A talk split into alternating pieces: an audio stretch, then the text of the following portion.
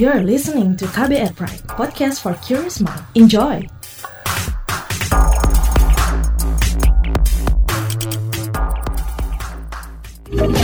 Kamu lagi dengerin What's Trending KBR Pagi. KBR Pagi, siaran pagi radio paling update. Selamat pagi, apa kabar Anda di hari Jumat 23 Oktober 2020? Kembali bersama saya Don Brady di What's Trending KBR Pagi. Kita sudah di hari Jumat dan sudah hampir di ujung Oktober. di bulan ke-10 di tahun 2020. Ada dua bulan lagi nih 2020 berakhir ya. Gak kerasa sih sebenarnya ya, tapi ya jadi sangat berasa banget karena well, kita tahu 2020 kita hidup di tengah-tengah pandemi ya. Pagi ini Bersama saya Don Brady, seperti biasa di What's Trending KBR Pagi kita akan ngobrolin satu hal yang lagi ramai diperbincangkan. Pagi ini kita akan ngobrolin soal menguak cerita uji klinis dan simulasi pemberian vaksin di Jawa Barat. Nah, KBR pada Rabu eh, 21 Oktober kemarin itu berkesempatan melakukan wawancara eksklusif Gubernur Jawa Barat Ridwan Kamil perihal uji klinis calon vaksin yang berlangsung di wilayahnya juga simulasi pemberian vaksin yang telah dilakukan. Uji klinis dilakukan di Universitas Pajajaran Bandung beberapa waktu lalu dan sementara Depok itu menjadi tempat simulasi penanganan vaksin COVID-19 mulai dari persiapan rumah sakit, puskesmas, dan tenaga medis untuk menghadapi rencana vaksinasi awal secara terbatas yang direncanakan pemerintah. Kita dengarkan penjelasan Gubernur Jawa Barat Ridwan Kamil soal ini. Sebenarnya kita akan mendapati kabar ada dua terkait vaksin. Yang pertama adalah vaksin yang akan diberikan ke mayoritas warga Indonesia itu adalah vaksin yang dari Bio Farma yang sedang melakukan pengetesan di mana saya menjadi relawan. Kedua adalah pemerintah pusat membeli vaksin langsung yang sudah jadi dan jumlahnya terbatas sekali, hanya 9 juta dosis sehingga sedang dirumuskan kira-kira dengan hanya 9 juta terhadap 250 juta warga Indonesia ini diprioritaskan ke mana. Nah hasil diskusinya pemerintah pusat bersepakat sementara ini adalah fokus ke epicentrum COVID di Indonesia, yaitu di Jabodetabek. Nah, karena Jabodetabek, bagian wilayahnya ada di Jawa Barat, yaitu Bogor-Bogor, Depok, Bekasi-Bekasi, tentulah kita menyambut baik tawaran ini. Nah, sambil menunggu keputusan pemerintah pusat, memutuskan apakah jumlah yang kita mohonkan ini disetujui, kita melakukan simulasi dulu. Nah, itulah yang akan saya lakukan di mana kita akan mengecek kesiapan rumah sakit, puskesmas, dan melakukan perhitungan matematika, Mbak. Jadi satu orang kira-kira berapa detik, berapa menit, berapa jam, kemudian kalikan berapa jam kerja, kalikan jumlah apakah terkejar waktu yang secepat-cepatnya, apakah seminggu, apakah sebulan, tiga bulan, kita kan tidak pernah melakukan pemaksinan secara menyeluruh di situasi pandemi. Inisiatif dari saya untuk menghitung dan mendapatkan jawaban satu fasilitas yaitu puskesmas sanggupnya berapa orang per berapa waktu sehingga nanti kalau diputuskan jumlah dosisnya disetujui maka saya bisa menghitung berapa waktu yang dibutuhkan. Nah, ini penting karena nanti kalau sudah jadi yang vaksin yang kedua yang di Bio Farma yang saya jadi relawan, pertanyaan besarnya kan berapa lama memberikan vaksin ke seluruh rakyat Indonesia atau mayoritas rakyat Indonesia? Apakah enam bulan, apakah delapan bulan, apakah setahun? Nah ini kan eh, jawaban sangat ditunggu karena berarti kalau setahun berarti normalitas baru terjadi di 2022 waktu yang betul-betul sangat lama. Kunci simulasi di Depok ini akan menjadi jawaban. Kalau ternyata memadai, berarti kita cukup dengan tenaga kesehatan yang ada. Kalau ternyata hasilnya rasionya kurang menggembirakan, maka saya akan mengusulkan dari hasil simulasi jumlah tenaga yang menyuntikkan vaksin mungkin harus diperbanyak. Apakah dengan relawan yang kita butuhkan, apakah seperti sempat saya usulkan ke Pak Presiden dalam situasi perang begini, TNI Polri mungkin dilatih sebagai penyuntik vaksin dan lain sebagainya. Oke, sebelum kita bahas lebih lanjut, kita akan simak dulu komentar netizen plus 62 soal ini. Ini dia. Mm-hmm. Pertama, akun @dokter underscore koko 28 bilang Johnson Johnson menunda uji klinis vaksin mereka karena ada relawan yang mengeluh sakit. Memang proses pengembangan vaksin dan obat tidak semudah yang kita bayangkan. Dalam perjalanannya, banyak hal yang perlu diamati dan dievaluasi. Kesabaran adalah kunci dengan hashtag nasihat diri. Akun @rini Dwi Andini bilang, setahu saya, vaksin dari Sinovac akan di-share ke masyarakat pada bulan Desember atau Januari. Tergantung dari hasil evaluasi relawan COVID Sinovac. Saya kebetulan salah satu relawan tersebut dan sudah dua kali uji coba vaksin. Sudah diambil satu kali darah untuk diuji coba antibodi pasca disuntik. Nah, akun @abml bilang, coba yang divaksin pejabat-pejabat dan anggota dewan dulu. Mereka kan jumlahnya sedikit. Kalau udah berhasil baru untuk masyarakat. Akun @dldcro bilang, betul Pak Jokowi. Vaksin itu kan dibuat oleh para pakar profesional ya. Sudah pula dites uji coba yang sangat matang di laboratorium. Dan sekian banyaknya orang relawan, baik untuk antibodi menjaga sistem imunitas tubuh, gak ada efek. Jadi, sudah sangat kredibel teruji keampuhannya. Akun at blackholesun707 bilang, Iya, saya kelincinya. Saya relawan vaksin, bekerja sama para nakes, peneliti untuk perkembangan science and medicine. Setidaknya saya lebih berguna daripada yang cuma bisa menghina. Kalau akun at aji underscore tekuto 1985 bilang, atas kedaruratan bisa dilakukan vaksinasi. Tentunya juga tetap memperhatikan keamanan berdasarkan uji yang telah dilakukan. Kalau tidak aman ya nggak usah vaksinasi massal. Kalau aman ya silahkan. Segala upaya harus dilakukan untuk menekan jumlah kasus COVID-19. Salah satunya vaksinasi. Nah yang terakhir akun Suminar 53638412 bilang, ribet bener denger berita soal vaksin ini. Cepet salah, lambat juga salah. What's Trending KBR Pagi. Balik lagi di What's Trending KBR Pagi yang lagi ngobrolin soal menguat cerita uji klinis dan simulasi pemberian vaksin di Jawa Barat. Ridwan Kamil maju sebagai relawan uji klinis calon vaksin COVID-19 dari Sinovac Tiongkok.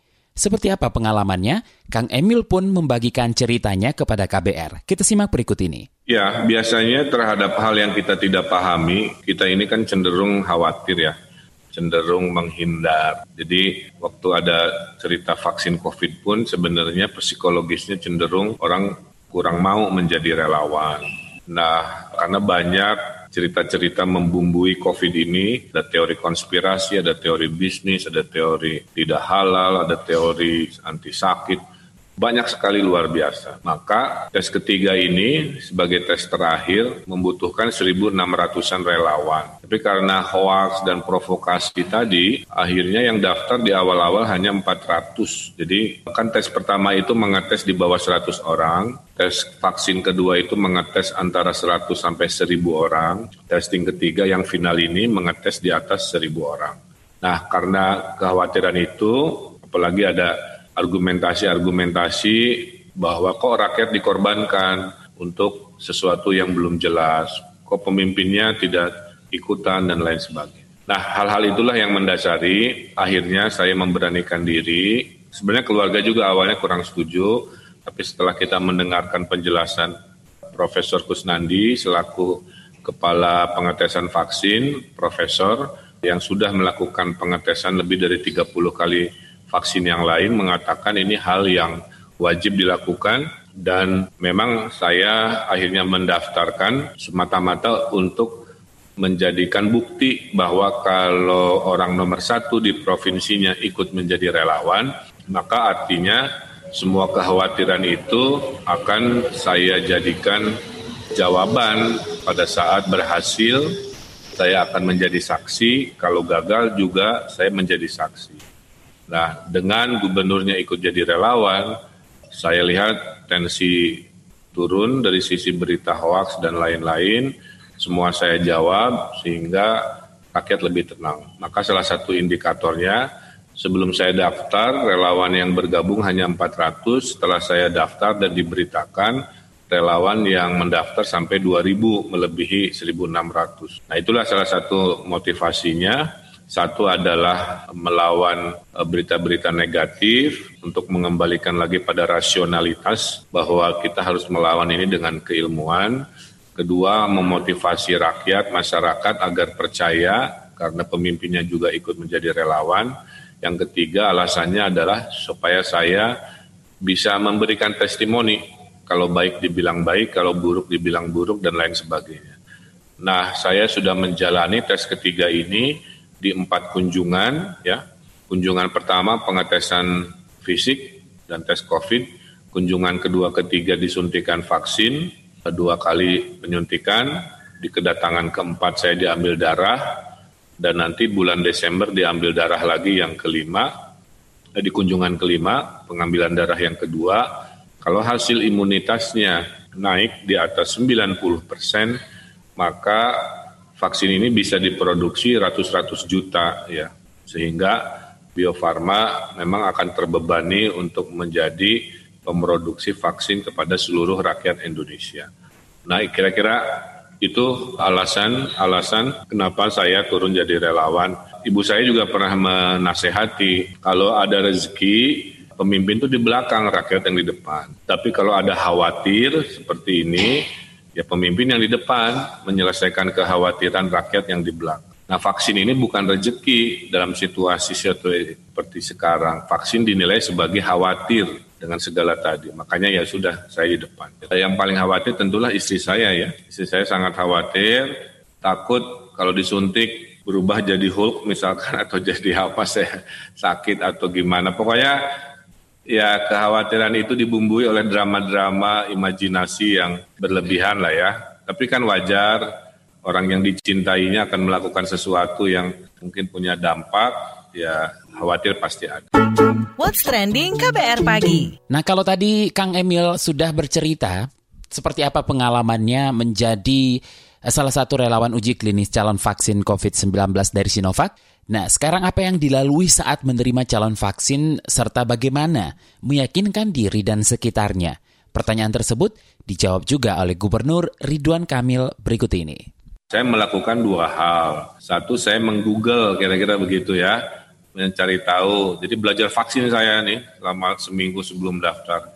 Dan akhirnya ditemukan fakta-faktanya bahwa proses tahap ketiga ini nggak bisa juga dilanjutkan kalau tahap ke satu keduanya gagal. Nah, berarti kan tahap ke satu berhasil ke 100 orang. Tahap kedua berhasil ke antara 100 dan 1000 orang. Nah, tapi prosedur vaksin ini harus tiga kali. Tapi kan tidak akan masuk ke level ketiga kalau satu duanya gagal kan kira-kira begitu. Nah itu memberikan ketenangan. Yang kedua saya tanya ke Profesor Nandi selaku profesor yang mengepalai tes vaksin. Beliau mengatakan mempertaruhkan ilmunya karena beliau sudah lebih dari 30 kali melakukan ini, tapi tidak sedramatis, seheboh yang namanya vaksin COVID kan. Dan beliau menjaminkan ilmunya bahwa dampak terberat itu dalam pengalaman dia itu paling hanya demam-demam sesaat kan begitu ya pegal-pegal dan lain-lain yang sifatnya sesaat temporer dan tidak terlalu panjang. Dan betul itu yang saya alami. Jadi waktu saya disuntik di tangan kiri mohon maaf karena jarumnya tidak kecil jadi saya sampaikan apa adanya. Bagi yang takut jarum ya siap-siap latihan mental lah ya. Itu pegal karena disuntiknya ke otot ya otot kiri gitu sehingga hampir satu jam tangan saya nggak bisa dipergunakan dengan maksimal kira-kira begitu. Kemudian besoknya selama dua hari agak ngantuk-ngantuk ya. Biasanya kan saya jarang ngantuk, tapi setelah divaksin itu ada dampak dua hari lah. Maghrib-maghrib jadi ngantuk. Walaupun saya tidak tahu apakah dampak vaksin, tapi kita kan diberikan satu kertas. Jadi kertas itu yang harus diisi adalah suhu tubuh tiap maghrib, berapa suhunya, Kemudian ada daftar potensi keluhan, apakah sakit kepala, apakah demam. Nah kita harus ngisi, kira-kira begitu. Nah alhamdulillah tidak ada yang saya rasakan berlebihan. Setelah hari ketiga udah normal lagi dan akhirnya saya bisa sampaikan bahwa ternyata tidak seperti yang dikhawatirkan oleh banyak orang lah kira-kira begitu. Nah sekarang mah tinggal menunggu apakah naik tidak imunitasnya kan begitu ya. Dampaknya saya boleh beri kesaksian tidak ada ya kecuali temporer tadi. Tapi yang kita tunggu-tunggu adalah apakah darah saya mengandung imunitas yang tinggi mendekati 90 persen. Karena kalau tidak tinggi artinya kan kalau COVID masuk badan saya nggak bisa melawan. Tapi kalau dia imunitasnya tinggi berarti kita bisa melawan dan kita bisa hidup normal lagi seperti halnya flu, flu itu kan tidak hilang, ya. Tapi kalau flu orang kan tidur, istirahat, kasih paracetamol dan sebagainya kan. Nanti COVID juga sama. Oh kamu COVID, kasih obat. Oh, atau kamu istirahat. Makanya ada yang nanya, Pak Gub, kapan pandemi selesai? Ya pandemi selesai kalau orang sakit sembuh karena obat dan orang sehatnya imun karena vaksin. Nah kira-kira itu Kang, apa yang saya rasakan dan bagaimana saya menjawab kekhawatiran melalui pendekatan ilmiah. Yang saya tahu jadi relawan yang kebetulan yang para pejabat saja, yaitu Pak Kapolda, Pak Pangdam Tiga Siliwangi, Pak Kajati. Jadi kami fantastic four lah, empat orang bersepakat karena pabriknya di Jawa Barat untuk menenangkan masyarakat, ya sudah empat-empat ini Gubernur Pangdam Kapolda Kajati menjadi relawan. Hanya tantangannya begini, menyuntik seluruh rakyat Indonesia aja udah 200-an juta kan. Ini harus dua ronde kan begitu. Makanya tadi pertanyaannya siapa yang nyuntiknya? Kalau dua kali nyuntik kali dua kali penduduk Indonesia jangan-jangan setahun, jangan-jangan dua tahun baru orang terakhir tersuntik kan. PR besar ada di sana. Jadi sebenarnya memang melelahkan ya COVID ini. Urutan-urutan obat dan vaksinnya pun tidak sesederhana sespleng gitu ya. Testing dulu, udah testing gimana produksinya, bahannya cukup apa tidak, cepat apa tidak. Sudah ada vaksinnya, gimana distribusinya ke seluruh pulau-pulau terpencil se-Republik Indonesia. Gimana nyuntik kali dua. Nah itulah mohon doanya, kami sedang melakukan perhitungan agar rakyat tenang, mendapatkan imunitas secepatnya. Makanya itulah kenapa saya tes simulasi dulu di Depok itu agar saya mendapatkan gambaran manajemen. Nah ini prinsip proaktif Jawa Barat selalu lebih dulu melakukan hal-hal yang dianggap penting sehingga jangan berantakan di akhir nanti. Kira-kira begitu.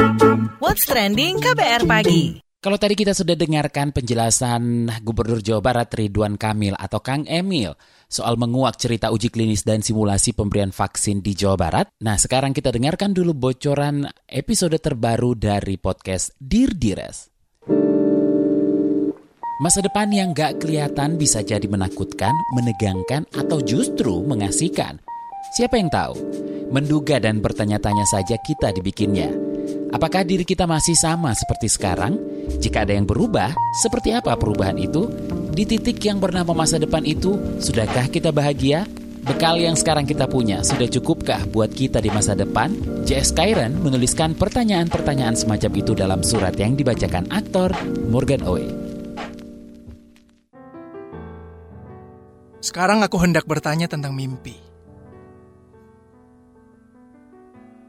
Sudah seberapa mimpimu tercapai? Apakah mimpi itu masih sebatas mimpi? Atau sekarang kau sudah tersenyum bahagia karena ia telah tergapai? Mana aku tahu. Mungkin kau sudah bisa membedakan mana mimpi dan mana ambisi. Baiklah. Ini terakhir. Sudahkah kau membahagiakan banyak orang? Aku ulangi pertanyaanku kawan. Sudahkah kau membahagiakan banyak orang? Lengkapnya dengarkan original podcast Spotify Dear Dires yang diproduksi KBR Prime gratis hanya di Spotify. What's trending KBR pagi? Demikian KBR pagi hari ini. Jika Anda tertinggal siaran ini, Anda kembali bisa menyimaknya di podcast What's Trending yang ada di kbrprime.id dan juga di Spotify dan di aplikasi mendengarkan podcast lainnya. Akhirnya saya Don Brady undur diri. Kita ketemu Senin. Have a nice day, have a nice weekend. Jangan lupa selalu pakai masker dan patuhi protokol kesehatan. Bye-bye. Terima kasih ya sudah dengerin What's Trending KBR pagi. KBR Prime, cara asik mendengar berita. KBR Prime, podcast for curious mind.